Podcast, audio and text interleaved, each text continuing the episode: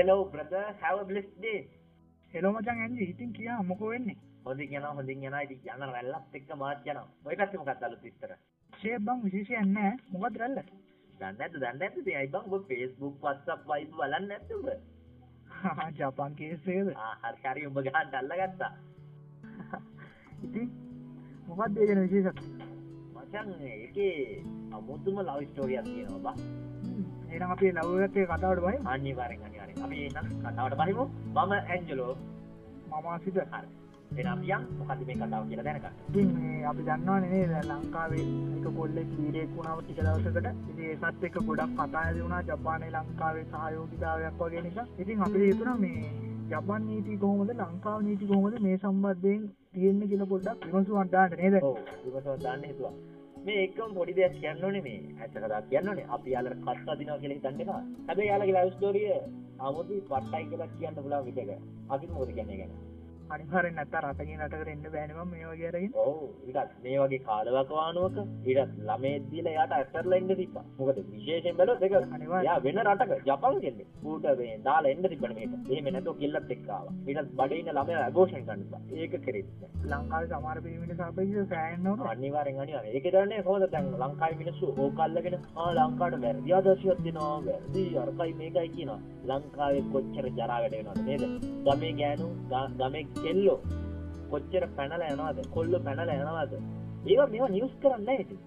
කාලෙට යන පොඩක් එපෑනේ රටක් දුවන්න. ඕ ප්‍රශ්න අමතක වෙන්නේ නැත්නම් අපිට නේද හරි අපි යන් කතාවට. අපි වැඩි දුර යන්න කතාවට කාලේ සීමිතයිනේ ඕ අනිවාර්යෙන්. කතාවට යද්දි ඉස්සෙල්ලා කියන්න ඕනේ අපි මේ නීති ගැන එක්ස්පර්ට්ලා නෙමෙයි. අපිත් පොඩ වෙබ්සයිට් එකකින් බැලුවා.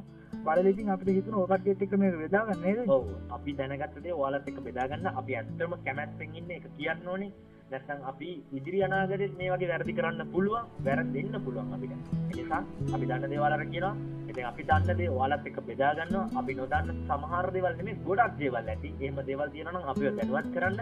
ඉතින් ඉදිරියට මෙයන් මොකද්ද මේ නීති මොනවද මේවා හා සම්බන්ධ කොහොමද මේක ලංකාවට ආදේශ කරගන්නේ කියලා අපි බලමු. එහෙනම් අපිට මොකද්ද මේ නීති දෙක? අපි මේකත් එක්ක කතා කරද්දි අපි දැක්ක නේද හොඳ පොයින්ට් එකක්. පළවෙනි එක අවිවාහකත්වයේ සම්බන්ධ පොයින්ට් එකක්. ඊළඟ එක ලේනෑකම සම්බන්ධ පොයින්ට් එක ඉස්සෙල්ලාම අපි අවිවාහක පොයින්ට් එක ගැන කතා කරමු නේද ඔව් අනිවාර්යෙන් මේ ප්‍රශ්නත් එක්ක අවිවාහක පොයින්ට් එක කතා කරන්න වෙනවා. ඊට කලින් එහෙ විවාහයක් වෙන්නේ කොහොමද කියලා බලමු.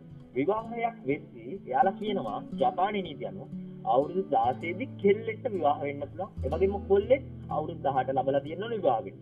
අවුරුදු 20න් පස්සේ තමන්ගේ කැමැත්ත පරිදි විවාහ වෙන්න පුළුවන්. හැබැයි 16 සහ 18 ඔය කිව්ව සීමා දෙක තුල විවාහ වෙන්න නම් දෙමාපියන්ගේ එක්කෙනෙක්ගේ කැමැත්තක් ඕනේ කියලා අසින් තිබ්බේ ඕ ඒ විදිහට තමයි තිබ්බේ. එතකොට ලංකාවත් එක්ක බලද්දි ලංකාවට වඩා අවුරුදු දෙකක අඩු ගැත්තනක් ජපානයේ තිබ තියෙනවා. එතන මම ඒක හොයලා බැලුවා එයාලගේ වර්ධන වේගය කියන්නේ එයාලගේ ෆිසිකල් විදියට බයෝලොජිකල් විදියට එයාලගේ වර්ධන වේගය වැඩි අපිට වඩා ඒ නිසා ඒක ඒ රටට ආදේශ කරගත්තට ප්‍රශ්නයක් නැතුව ඇති හ්ම්. අපි එහෙනම් පළවෙනි පොයින්ට් එකට යමු. පළවෙනි පොයින්ට් එක අවිවාහ කාන්තාව සහ හම්බෙන දරුවා සම්බන්ධ තමයි මේ නීතියේ තියෙන්නේ. අන්ති මම මේ නීතියේ විශේෂ දෙයක් දැක්ක. මේ නීතියේ හැම පැත්තෙම ඒ කාරණාවට සම්බන්ධ වෙන හැම පුද්ගලයා දිහාම බලලා තියෙනවා. හොඳ තියුණු හැක් නේ තුන්වෙනි ඇසෙන කොල්ලා හැම පාර්ශවයක් පිළිබඳව දැන් ඒ නීතිය ගත්තාම ඒ නීතිය ඉස්සෙල්ලාම අම්මගේ පැත්තෙන් බලනවා. අම්මට පුළුවන් ප්‍රීතිත්වය තීරණය කරන්න. මෙයාද තාත්තා එහෙම නැත්නම් මේ ළමයාට තාත්තා කෙනෙක් නැතුව හදාගන්නවද කියන එක.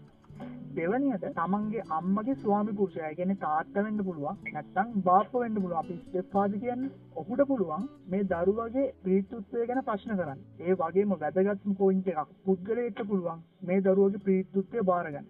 ඒ කියන්නේ මමයි තාත්තා කියලා ඉදිරිපත් වීමේ හැකියාව තියෙනවා. එතකොට ඒ හැකියාව ලැබෙන්න නම් එතකොට ඒ සමාජය ඇතුලේ ඔය වගේ නීතියක් හැදෙන්න නම් සෑහෙන සංවර්ගමක් තියෙන්න ඕනේ.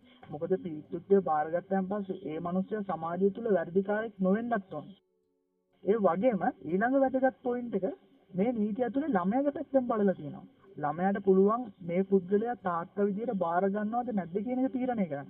එතකොට ළමයා ගැනත් එතනින් බලලා තියෙනවා තාත්තා ගැනත් බලලා තියෙනවා. වැඩියෙන්ම ඒගොල්ලෝ අවධානය යොමු කරලා තියෙන්නේ ඒ ඉපදෙන දරුවා ගැන නේද? ඔව් අනිවාර්යෙන් දරුවගේ මානසික තත්ත්වය ඒ දරුවගේ සමාජ තත්ත්වය ගැන තමයි නීතිය ඇතුලේ අධිකරණ ඇතුලේ විශාල අවධානය යොමු කරන්නේ. එයාලා ඒ කියන්නේ ගොඩක් වෙලාවට මේ පෞල් පසුබිමට වඩා ළමයාගේ මානසික මට්ටම තමයි බලලා තියෙන්නේ ඇත්තම බැලුවොත් එතනින්. අනිවාර්යෙන් අපි ඕකත් එක්ක කතා කරද්දී ඔයාටත් මතක ඇති 2019 මේ ආණ්ඩුව පත් වුණාන් පස්සේ අලුත් නීතියක් එනවා උප්පන්න සාපිකින් ජාතිය සහ මවගේ විවාහක අවිවාහක බව අ, නවත්තනවා කියලා. ඒක හැබැයි අපේ රටේ ඔව්. යම් යම් ප්‍රශ්නත් එක්ක ජාතිය කියන කෑල්ල අයින් වෙලා දැන් වෙද්දී උප්පන්න සාපිකින් මවගේ විවාහක අවිවාහක බව අයින් කරන්න තීරණය කරලා තියෙනවා. අත්තර මේක හොඳ තීරණයක්. සරලවම කියන්නම් ඒක ඒ කියන්නේ අවජාතක පුතෙක් කියලා මිනිස්සු කියනවනේ අන්න ඔය කතාව නැති කරන්නත් ඒ ළමයාව කොන් වෙන ස්වභාවය නැති කරන්නත් ගත්ත හොඳ තීරණයක් කියන්න පුළුවන් අපිට.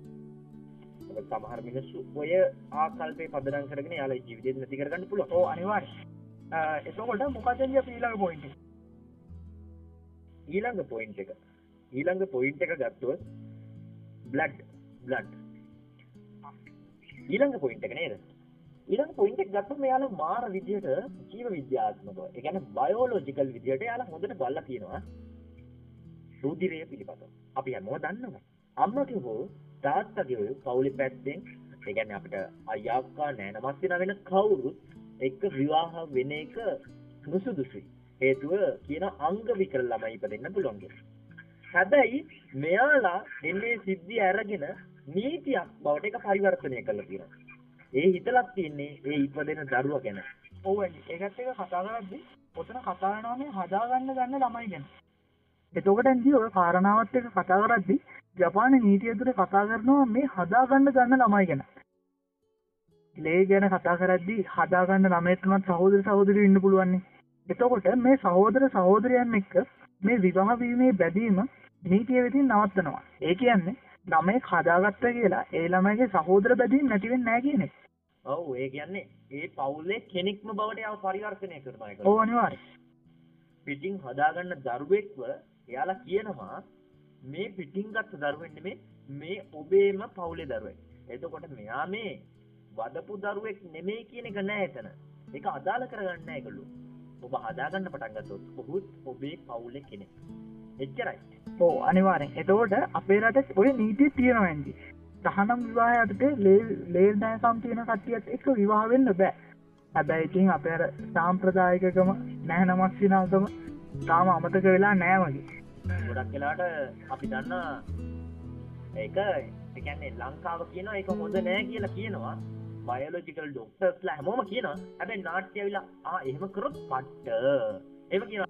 හැබැයි ඇන්දි මෙහෙමයි. අපිට නීති වෙනස් කරන්නත් බෑ. අපිට පුළුවන් මේ නීති වලට අනුගත වෙන්න විතරයි. අපි ඒ නීතියට අනුගත වෙනවා නම් අපිට සෑහෙන ලොකු දෙයක් කරන්න පුළුවන්. ඔව් අපිට අනිවාර්යෙන්ම පුළුවන්. ඒ වගේම තව එක පොයින්ට් එකක් තියෙනවා අපේ ලංකාව අනිවාර්යෙන් හැදෙන්න ඕනේ නීතිත් එක්ක. කාලීන වෙන්න ඕනේ අපි. හ්ම්. නීතිය කාලින වෙන්න ඕන. නීතිය කාලීන කාලීන නොවන නොවන තරමට අපිට මේකත් එක්ක යන එක අමාරුයි. මොකද අපි තාක්ෂණය එක්ක දියුණු වෙනවා, අපි මානසික මට්ටම් වලින් වෙනස් වෙනවා, අපි ඉන්න තත්ත්වයෙන් වෙනස් වෙනවා, අපි ආර්ථික මුද තත්ත්වයෙන් වෙනස් වෙනවා. ඉතින් ඔය තත්ත්වයන් වෙනස් වෙද්දී අපි කාලීන ස්වභාවයට ආවේ නැත්නම් ඇත්තටම මේක වැඩක් නැහැ. ඒක ඉතිහාසයක් විතරක් වෙනවා මේ නීතිය. අපි ප්‍රාර්ථනා කරමු ඉක්මනට මේ නීති අප්ඩේට් වෙන්න කියලා නේද? නීති අප්ඩේට් වෙලා ඉතින් අම්මදී. අපේ රටේ තියෙනවා මේ නීතිය. කෑනමක් කිනා නීතිය පවා තියෙනවා. මිනිස්සු අප්ඩේට් නැහැ. මිනිස්සුත් අප්ඩේට් වෙන්න ඕන. මහ ජනතාව අප්ඩේට් අන්න හරි මහජනතාව තමයි අප්ඩේට් වෙන්න ඕනේ. ඇන්ජි මේකනේ මිනිස්සෙක් කියන්නේ සමාජයක් ඇතුලේ පුංචි ඒකකයක්. ඔය පුංචි ඒකකේ වෙනස් වුණොත් සමස්ත සමාජයක් ශිෂ්ටාචාරයක් වෙනස් කරන්න පුළුවන්. අනිවාර්යෙන් අනිවාර්යෙන්. මොකද අපි දන්නවා මහත්මා ගාන්ධි එදා යන රූට් එක වෙනස් වෙච්ච ඉඳ ඉන්දියාවම නිදහස ලැබුවා. ඒ නිදහසේ ප්‍රතිඵලයක් අපි. ඒකත් ඒ අපිට පුංචි තැනකින් වෙනස් කරන්න තියෙන්නේ. අපි මේකට කියනවා සමනල ආචරණය කිය. අන්න හරි. එහෙනම් අසිත පොඩක් මෙයාලට සමනල ආචරණයත් එක්ක අපි ඊළඟ පාර කතා කරමු. මොකද්ද මේ සමනල ආචරණය? ඇත්තටම අපි බේසිකලි අපේ සියලුම අදහස් දෙන්නේ සමනල ආචරණයත් එක්ක. මොකද අපේ බලාපොරොත්තුව පුංචි දෙයක් වෙනස් කිරීමේ ලොකු ප්‍රතිඵලයක් ලබා ගැනීම. එහෙනම් ඉතින් ඒ පුංචි දේ වෙනස් කරනවත් එක්ක අපිට නීති වලට එකග වෙන්න වෙනව නේද? අනිවාර්යෙන් අනිවාර්යෙන් නීතිවලට එකක නොවී බෑ නමුත් ඔබ කාලින වෙන්නත් ඕනේ. කාලිනව අප්ඩේට නීති දැනගන්නත් ඕනේ. ඇන්ජි ඔයාට හිතන්න පුළුවන්ද මේ ලෝකෙ කාලීනම නීතිය මොකක්දගේ කාලීනම නීති. නෑ ඇත්තටම මට ඒ හිතාගන්න බෑ කාල නීති ඇන්ජි අපි කාල නීතියටත් අනුගත වෙන්න ඕන. කාල නීති.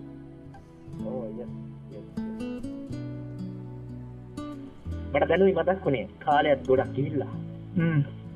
එහෙනම්? ඒනම් සෞදරනේ අපට යන්න අවසරයි. මම ඇන්ජලෝ. මම අසිත. බයම්දුම් ස්පේයි ප්ලෙස්